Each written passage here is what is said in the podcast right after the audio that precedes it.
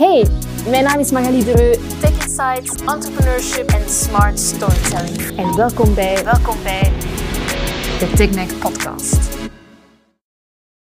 Hey, welkom in TechMac. Ik ben Magali en vandaag interview ik Brian Solis, uh, innovatie-evangelist bij Salesforce, auteur en digitaal antropoloog. We hebben het over de nieuwe economie, de rol van bedrijven en human connection en uh, hoe mensen hun lives kunnen scalen. I hope you enjoy. Hi, Brian. Hello. Thanks for being a guest on my show. I hope you're well. Yes. It's been a while. I, last time I saw you, I think was South by Southwest. Yes, uh, it was in Austin, Texas. Yeah. and you had different hair. Yes, I did. it's amazing you remember. Actually, it's, it's sometimes it, my memory doesn't work too well, but uh, it, it's working today. So it's it's a pleasure. It's a pleasure to be here. Thank you for the invitation. Yeah, yeah. Thank you. Um, so uh, you describe yourself as a digital anthropologist. What does that mean exactly? You know, after all these years, I'm still trying to figure it out. it's uh, at the time, this was the late 90s. At the time, there was no such thing as digital anthropology. And now I do see people referring to themselves as digital sociologists, digital anthropologists. There's a, there's official fields of study now uh, at universities around the world. Uh, and so I, it, it, it makes me happy to see that. When I don't know if my definition is going to align with how the field of study officially evolved, but when I started it, it was specifically to look at the impacts of digital, and at the time was the internet, Web 1.0. So this was a very long time ago, to study the effects of the internet, uh, internet culture uh, on humanity, on society specifically. How did it how did it affect behaviors, norms, uh, beliefs, values, uh, and then more specifically, I would apply that those observations to uh, influence. So how how could we reach people and uh, affect their decision making? For example, the early experiments were with uh, shifts to digital photography can we how right. could we influence people to uh, migrate away from film and move to digital uh, later experiments included uh, shifting to online photo sharing. Uh, and over the years, digital anthropology became instrumental in helping me understand the effects, for example, of um, uh, social media on society, uh, mobile devices on society. So uh, it's always been a form of observation to help then feed decisions about strategy. And, and, and in my work, that was around making markets, helping startups uh, create uh, create new trends, uh, and now ultimately that work focuses on how to how to reach customers, how to understand right. customers, how to understand employees, uh, and so really it's it was about keeping the human uh, at the center, but understanding how they were changing. Yeah, because uh, customer expectations and humor, human behavior in, in general are changing faster than before. And even though rapid change is nothing new, um, I feel like things that has, uh, has been speeding have been speeding up even more. Uh, what trends do you think will impact our post-corona era? Oh boy! Well, I've I've recently joined Salesforce. Yeah. And I joined Salesforce after being an analyst for many, many, many years. And I joined the company at a time when our offices were already shut down. And I I wanted to focus my work in a place where I could take advantage of being able to focus from home and have a great impact. So where I started to focus was exactly your question. What does a corona world or novel coronavirus world look like uh, beyond what's happening uh, today? And this, you know, digital anthropology played played a big part here, uh, as well as just being an analyst. I don't know if this is right but this is what I, I feel, and I've published a series of papers on it or a series of articles on it already. So uh, I'll throw out the, the, the, topics of the articles, and then I'll, I'll explain what they mean because they're all interconnected. They picture them as a big Venn diagram. Uh, one, which is sort of the, the bigger umbrella. Maybe it's not a Venn diagram. Maybe it's an org chart. We'll see. But uh, the, the big one is the novel economy. And I wanted to give a name to what's happening today, everything that's happening today, instead of calling it the new normal, because the new normal for me didn't mean much. Uh, what I did know is that if we give it a name, like the novel economy, it's quite literal in its its its naming, meaning that novel is new and unusual. And that's why novel coronavirus has that name as, as well, is because there's no there's no vaccine, there are no treatments. This is new. We we're there's no playbook. Uh, and the same is true for the economic environment in which we're in. Right. And since my audience is mostly uh, business and press experts, influencers, I wanted to really be thoughtful about then if we're going to be in a novel economy, how long is that going to last? So the answer is about 36, 36 months, uh, maybe 48 months. Uh, and there are going to be phases of it uh, because I think the natural inclination of, of folks is going to be to try to get phase one, which is uh, survive. You know, let's get let's stabilize the chaos, as we saw with many organizations. They had to go remote working overnight. Uh, they saw if if if you have any kind of customer, you had to go almost to uh, overnight e-commerce, overnight in-home customer support. see the, the migration then to stage two which is alive you know so uh, are alive to survive. And survive is really sorry i'm getting my own frameworks mixed up. Survive alive. And so now in alive for example if you took customer service which was you know, how do we get it uh, contact centers in the house in alive we're seeing shifts to for example automation how do we automate at least phase one, phase two engagement? Uh, and this is important because then what's happening is that decision makers are going to realize that they're not going to go back to normal. This is actually an opportunity to start going in a new direction that's going to be better for everyone. And then the third phase, which is a little further out, uh, is where we're going to see great innovation and great invention. So this is the thrive phase.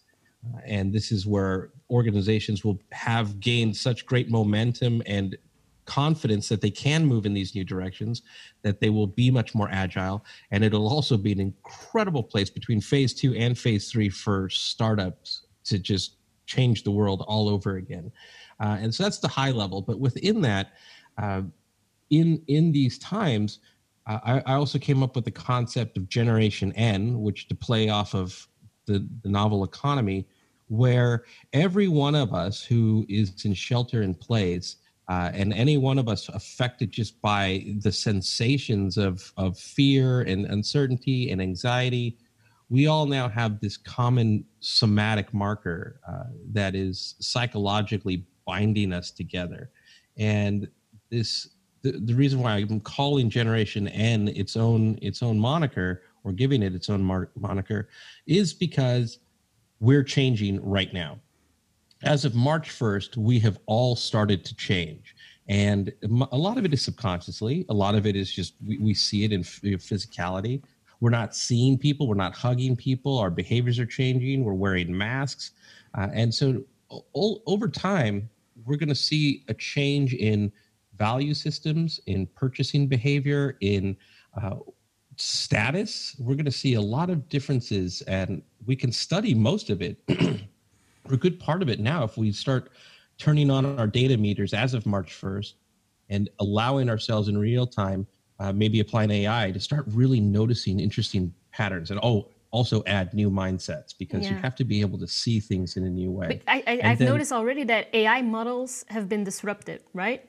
Oh yeah, for sure. Well, you know they should have been anyway. Um, so, this is a side conversation because uh, AI bias and ethics is a, is a real thing. Yeah. I, I remember I remember when it started to uh, evolve and take shape. I was fascinated with worst case scenarios around that as to why we should look at it. And uh, so for those who are watching and wondering what we're talking about, uh, you know, when Apple Card uh, came out, the AI algorithms that it was using to qualify its its uh, users were really uh, not equal in terms of the types of people that they were reaching, and that caused quite a stir. Microsoft also got itself in a little bit of trouble with AI. All of this is yeah. Googleable. I'm trying to go. I'm trying to go super fast, but. Uh, Generation N, uh, coming back to that, it's important because you remember you remember the last time we talked i was uh, talking about generation c yeah which was a generation i had ca- i called the connected generation which was really looking at markets not as demographics, so millennials, centennials, you know, boomers, and looking at them as psychographics, right? So common interests, common ambitions and aspirations, common behaviors. You know, so if you used a mobile device and you used the same apps and and and you, you probably went through the customer journey as a 25 year old similarly to how someone would go through it as a 45 year old uh, and in generation n because we have that somatic marker we're emotionally bound together that we, we we're going to have these deep visceral responses to certain things. You know for example in america i i bet that no one will look at a, an empty roll of toilet paper the same way again. Uh, they'll value they'll value the little things. Uh, and so you can look at this as a, a, global society of unique behaviors that we need to pay attention to because they'll they're going to inform how you go through phase one, phase two, phase three in the novel economy. And then lastly, uh, one of the other pieces that I, I've been talking about now is, and you know this, I've been I've been promoting for every legacy organization to start competing against digital natives by becoming technology companies. Uh, and now I'm saying that in addition to that, right, digital transformation is only accelerated but also you have to become a digital health company now because this is uh, this is a live virus without an, a universal treatment, without a vaccine, uh, which means that unless you know unless you get the politics like in the United States involved in all of this, it, it, it it's it's it's a it's a virus that attacks everyone the same way. So right. we're going to have to change how we work. Uh, we're going to have to change spatial design uh, within buildings. We're going to have to change customer contact. We're going to have to uh, provide for employees in terms of health and wellness and sanitizer everywhere and improved yeah. ventilation and plexiglass. So anyway, that's a, a quick, quick, quick overview of all of my new work that is is only actually a few weeks old. Yeah, it, it, are you talking about a new book? Yeah, this. So I was, uh, and uh, well, my next book I was, but then I got totally passionate about all this stuff. Uh, and right now, actually, after this call, I have to finish a draft of the article talking about Generation N.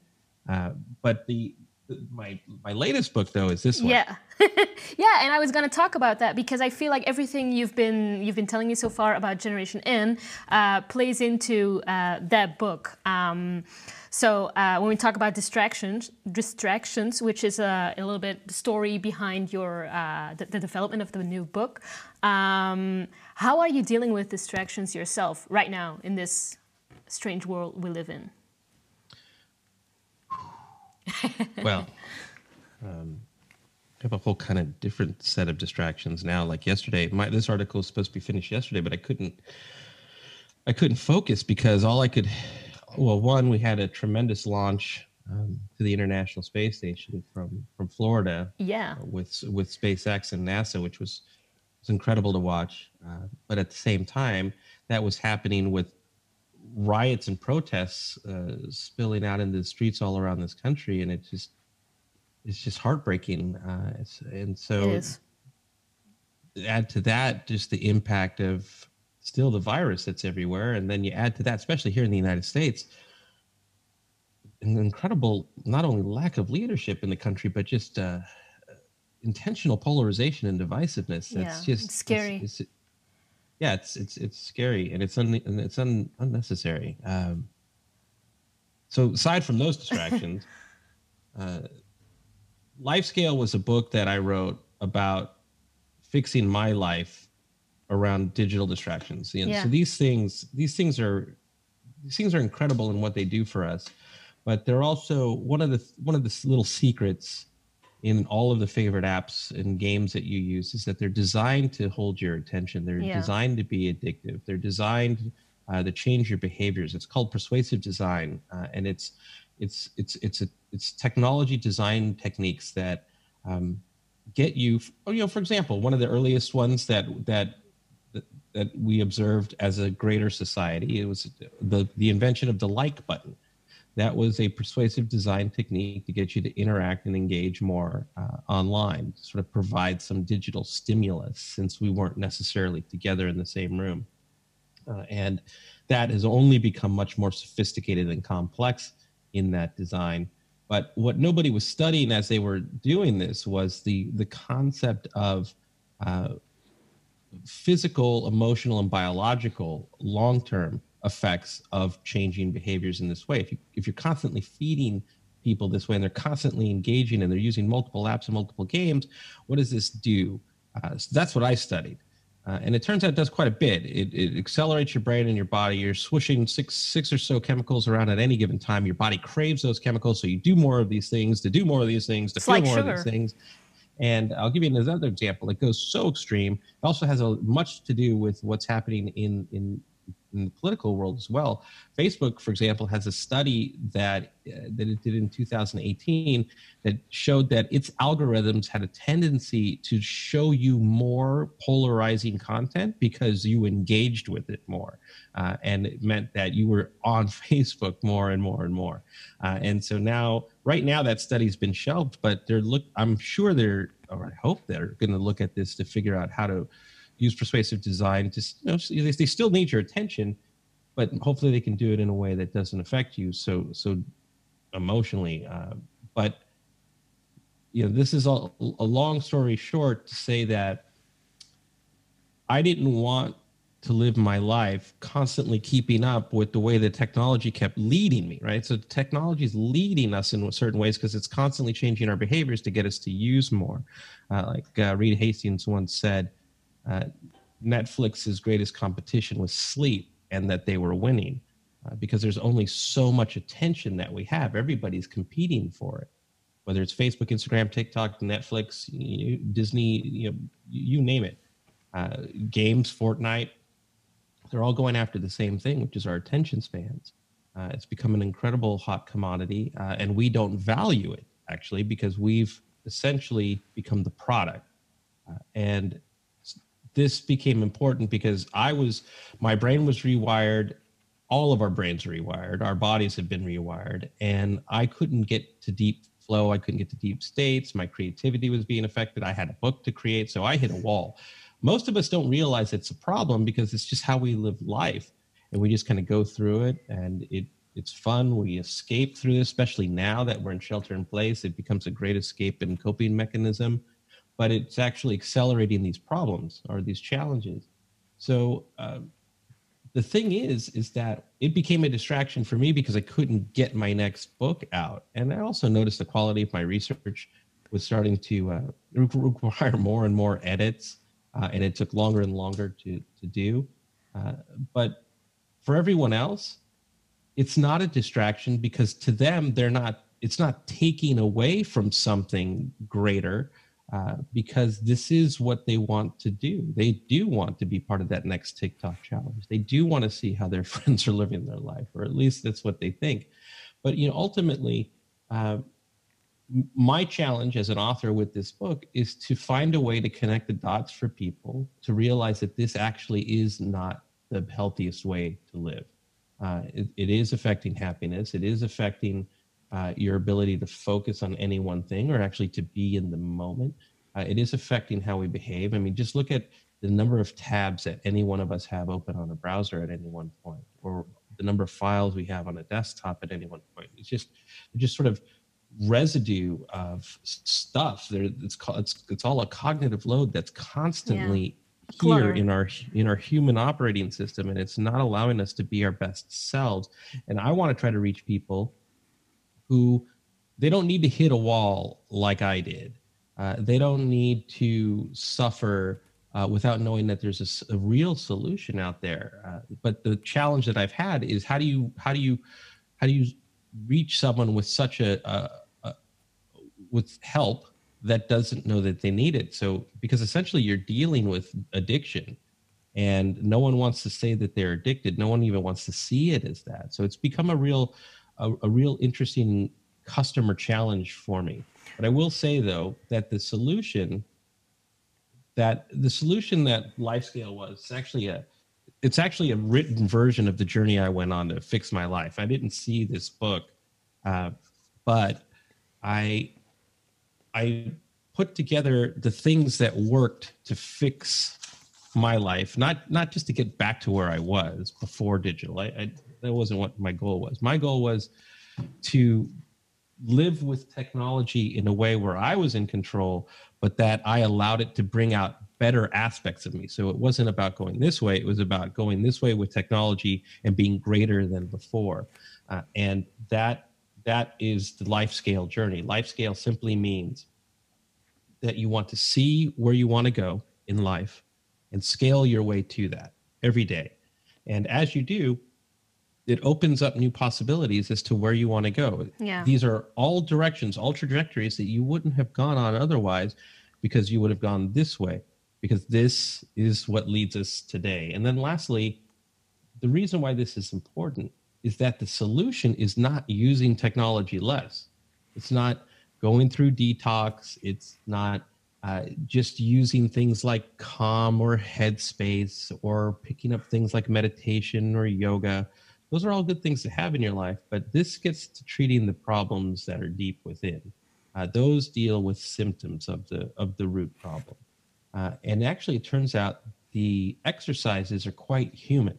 They're just you're you're you're essentially using persuasive design in a positive and productive way. That's why the book is is designed a certain way. It's an analog app. It was actually wireframe to help guide you uh, in a direction where you're rewiring your brain and you're rewiring your body, still with technology, but in a way that's much more meaningful, intentional, productive, creative. I use creativity uh, throughout the book uh, so that we can become a more creative and happier and, and productive society uh, moving forward. And I promise the book is a fun and inspiring read. So, I mean, it sounds like a lot of work, but uh, it, it I, and and and it is, but it's it's it's all it, it's all for opening your mind and opening opening yourself up to greater opportunities. And and lastly, the it, it's just it just introduces real whether it's little c creativity or big c creativity in our lives that we need more because this this thing gives us this the,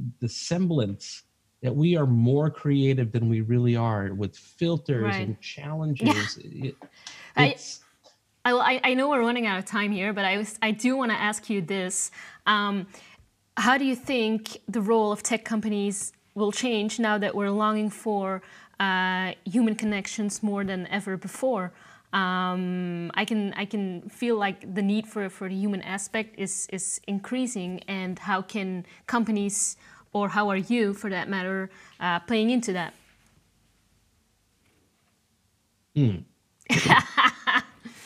There's a couple of ways to take that question. So, do you mean do you mean how are companies going to evolve uh, in terms of creating human behaviors that are I guess the question is define longing for behavior, you know, for relationships and engagement because there's there's the the answer that you and I want, which is create apps that bring us together and make us feel more whole uh, and that that we leave conversations, we leave engagement feeling better about ourselves and about life online and in in the real world.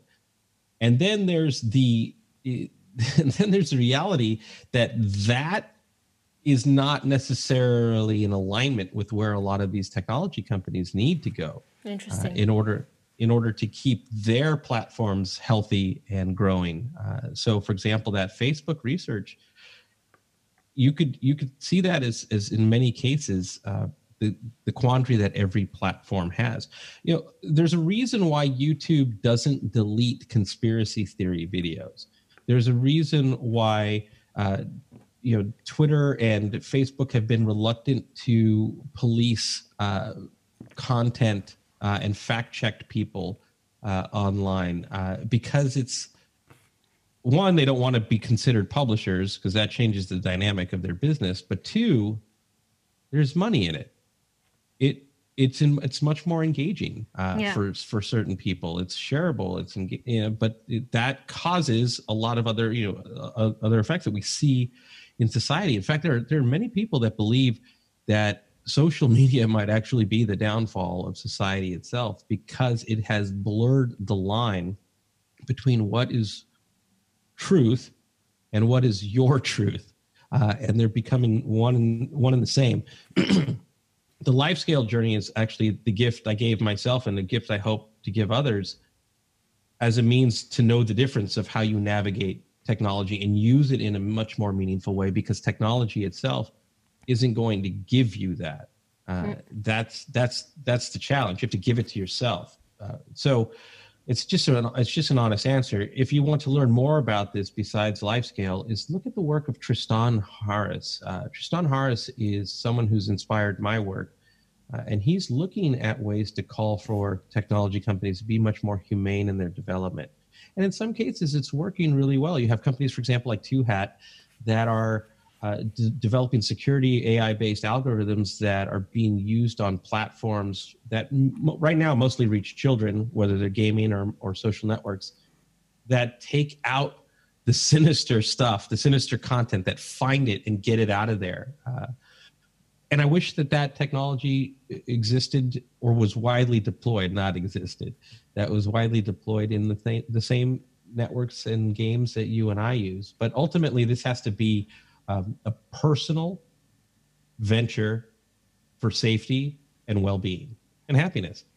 All right. Well, thank you. And I know for sure I'm going to buy your book, and I hope we can see each other next year at South by Southwest, and then I'm going to have it signed. it would be my be my pleasure. Thanks a lot. My pleasure. My Bye. pleasure. Bye. That was it. Uh, als je dit interview ook zo interessant vond, dan denk ik dat het tijd is voor jou om mijn gesprekken met Seth Godin en Steen van Belgium te checken. En ook gewoon af te wachten tot het volgende interview volgende week donderdag op TechMike. Bye! Bedankt om de podcast te beluisteren. Wil je meer interviews zien en horen? Of misschien zelfs langskomen in mijn show? Ga dan zeker naar techmike.be. Tot de volgende!